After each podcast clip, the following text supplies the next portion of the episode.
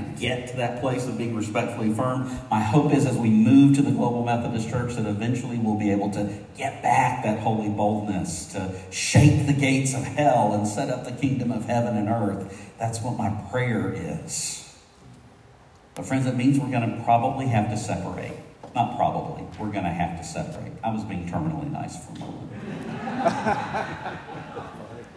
we're going to have to separate. And my progressive friends, they love to go to this sermon that John Wesley preached. It's simply called On Schism. And they love to share certain pieces of the sermon where Wesley very clearly states that schism is not to be taken lightly. It's clear from the message that, that Wesley intends for schism to be a last resort, and I think that is right. I, I, I totally 100% agree with, with John Wesley, if I can be so bold as to do that. He's John Wesley, I'm not. But they always seem to miss a couple paragraphs in that sermon. So I want to share with you what Wesley kind of finishes with in his sermon on schism. He says this But perhaps such persons will say, We did not do this willingly. We were constrained to separate from that society, Methodist society, church was what we would say today. We were constrained to separate from that society because we could not continue therein with a clear conscience. We could not continue without sin. I was not allowed to continue therein without breaking a commandment of God.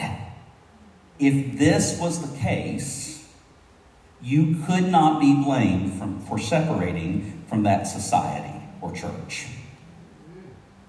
But then he doubles down. Wesley says this He says, In like manner, if I could not continue united to any smaller society, church, or body of Christians without committing sin, without lying and hypocrisy, without preaching to others doctrines which I did not myself believe, I should be under an absolute necessity of separating from that society. And in all these cases, the sin of separation, with all the evils consequent upon it, would not lie upon it, would not lie upon me, but upon those who constrained me to make that separation by requiring of me such terms of communion as I could not in conscience comply with. Wesley is saying not only is it okay, he's saying it's a must. We cannot be connected to something that we know does not stand on the Word of God. And we must separate ourselves from it. We must be wholly bold. We must defend the faith. We must contend. Does that mean we might lose our jobs? We might. I did. That's not the only one, it was both of us. Angela, uh, all three of us did. I say that not to get a pat on the back. Please don't. I say it because I want you to know I don't lift that up to you without actually having some investment made myself. Might we lose our jobs? We might. Could we lose our salaries? It's possible. I don't want us to, but could we have to give up our buildings? We might. Will we gain souls? Yes. Will we be blessed? Without a doubt, yes. Will we have the knowledge that we are sitting and standing in the center of what God has called us to do when His Son said that to follow Him we had to deny ourselves, take up our crosses, and follow Him? Undoubtedly, yes. Jesus never said that following Him would be easy. In fact, He said to the contrary. He said it would be hard. He said it would always be hard. And I don't like to hear that. I really wish he kind of didn't say that. But he did. And it's true. And I have found it to be so in my own life, time and time again. Someone said to me back in June when the when the progressives pulled their support from the protocol, it's actually the president of the WCA in Arkansas. He said, You know, I was so angry about that because I thought, oh, this the protocol was the easy way out. Yes. And he said, Then the Holy Spirit kind of grabbed me by the neck and he said, When is it ever supposed to have been easy? And maybe it was too easy all along. And maybe we had put our hope in something that was for ease. And now it's hard. And it's, I'm going to be honest with you, probably going to get a little harder. But we have to contend. We have to defend the faith. We have to have holy boldness. And we have to be prepared to stand up for what's right. And you all are doing that here in Western North Carolina. I want to thank you for doing that. I want to take a time out for a moment and just speak to any of you who might be here who involve, are involved in the lawsuit. That is not easy. That is about the last step that anyone could ever imagine a church having to take.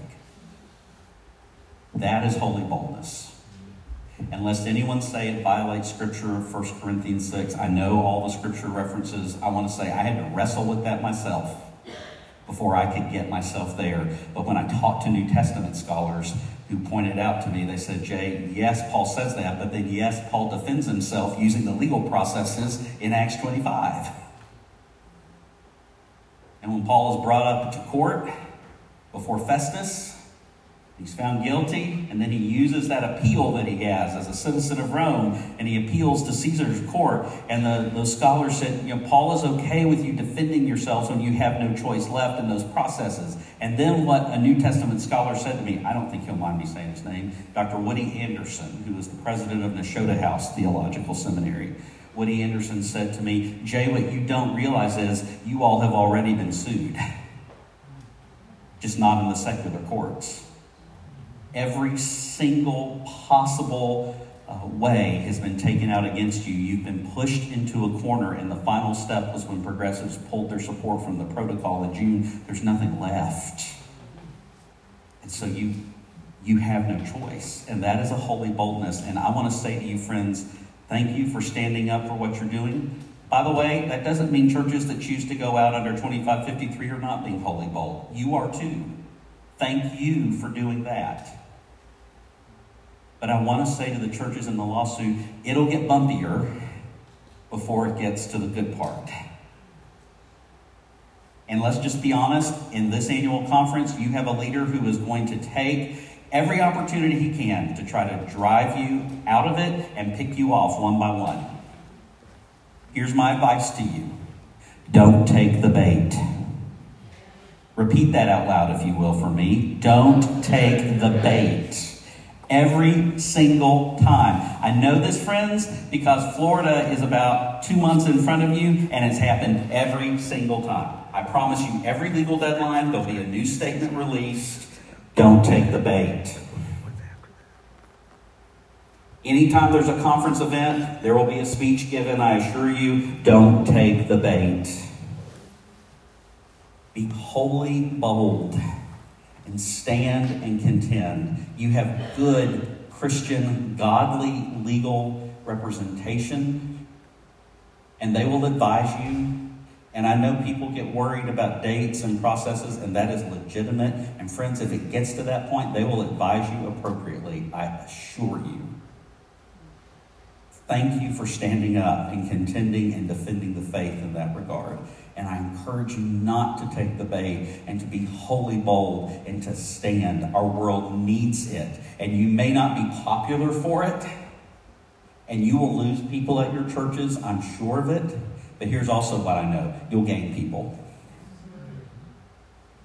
And ultimately, what does it matter if we gain the world but we lose our souls? And I know we worry sometimes about what that witness will be, and that is a right thing to worry about. But we also have to remember there are other parts of the body of Christ. And so while we are having to contend for the faith in our corner of it, we may have to rely upon our Presbyterian and Lutheran and Episcopalian and Baptist and non denominational sisters and brothers to reach some people while we get our house in order and get the faith defended and get to a place where we can once again, once again though, and pick up that mantle of living out the Great Commission. And it will be okay. It will be okay. You know, we read those first few verses in Jude, but uh, we don't say a lot about the end, and I want to go to the end of Jude. Uh, verses 24 and 25 of Jude is how Jude ends his letter, and I really love what Jude says. He says, To him who is able to keep you from stumbling and to present you before his glorious presence without fault and with great joy, to the only God our Savior, be glory, majesty, power, and authority through Jesus Christ our Lord before all ages, now and forevermore. Amen. And I want you to remember what Jude is trying to say. He's saying you need to defend the faith, you need to be wholly bold. He's saying, but when it gets tough, remember, friends, God wins. Amen. We know how the story ends. God wins. And it will be okay. It may not be the way you think it's going to go. At least in my life, it rarely is. But God is always faithful, and God wins. And I will say to you when it gets to, to be difficult, when you feel the breath of the bishop on the back of your neck, when statements are being put out about you telling your people that you bear false witness and break the ninth commandment, when people say to you that you are only existing to try to destroy a church, when all of that nonsense is shared and you don't take the bait. I want you to remember this verse that I go to time and time again from Isaiah 53. And I want you to, to turn to those words and let those words that Isaiah is writing, let them be the words of God being poured over you. But now this is what the Lord says. Do not fear, for I have redeemed you. I have summoned you by name. You are mine. When you pass through the waters, I will be with you. And when you pass through the rivers, they will not sweep over you. When you walk through the fire, you will not be burned. The flames will not set you ablaze. For I am the Lord your God Holy One of Israel, your Savior. You are precious and honored in my sight. And because I love you, do not be afraid, for I am with you. Remember those words, friends. I'm going to finish with this, and I I wrote about it in an article that the WCA put out a couple weeks ago. If you've read it, forgive me for repeating myself. Um, one of my favorite hymns. I'm one of those weird guys that loves both contemporary worship and traditional worship. I just get great meaning out of both. I, have never understood the worship wars because I love both of them dearly. One of the hymns that I love is uh, Stand Up, Stand Up for Jesus. And uh, that hymn was written by George Duffield. I don't know if you know the story behind how George Duffield wrote that hymn. There was a pastor in Philadelphia. Uh, his, his name was Dudley. I, I, have no idea how to pronounce his last name. Tyng, T Y N G. Uh, Reverend Tyng was bold enough, had the holy boldness to stand up in his church and to preach against slavery. And because he did, he lost his pulpit and he was thrown out of the church altogether. It goes back to that idea we had a few minutes ago. If we're wholly bold, might we lose our jobs? We might. We might lose our pensions. We might lose those things. But God is faithful. And so, Reverend Tyng, he, he preached at the, the YMCA in Philadelphia had a massive crowd come to see him. 5,000 people filled the auditorium to hear him preach after, because it had gotten publicity that he had lost his church over preaching against slavery. And during that message, he said this in his sermon. He said, I would rather that this right arm were amputated at the trunk than that I should come short of my duty to you in delivering God's message a bold statement. And as life would have it, about a week later, he was on a farm working and was involved in a freak farming accident. And his arm was severed from his body. And of course, he didn't have the advantages of our modern healthcare system. And he ended up dying from his injuries. But as he was on his deathbed, people surrounded him, and, and one of the things they said to him was, What would you say to those people that heard you give that sermon that day at the YMCA? This is what he said. He said, Tell them, let's all stand up for Jesus.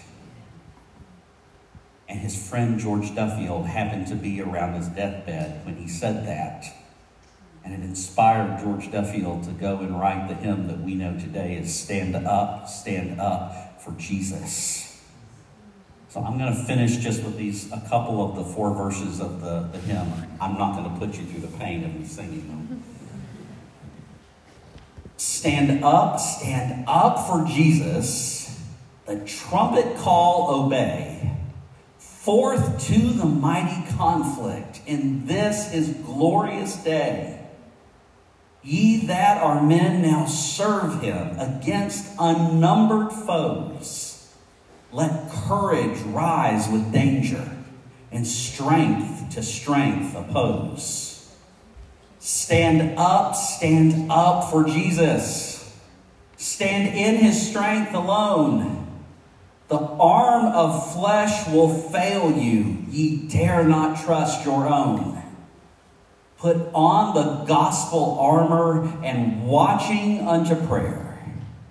Where duty calls or danger, be never wanting there. Amen, Amen. and amen.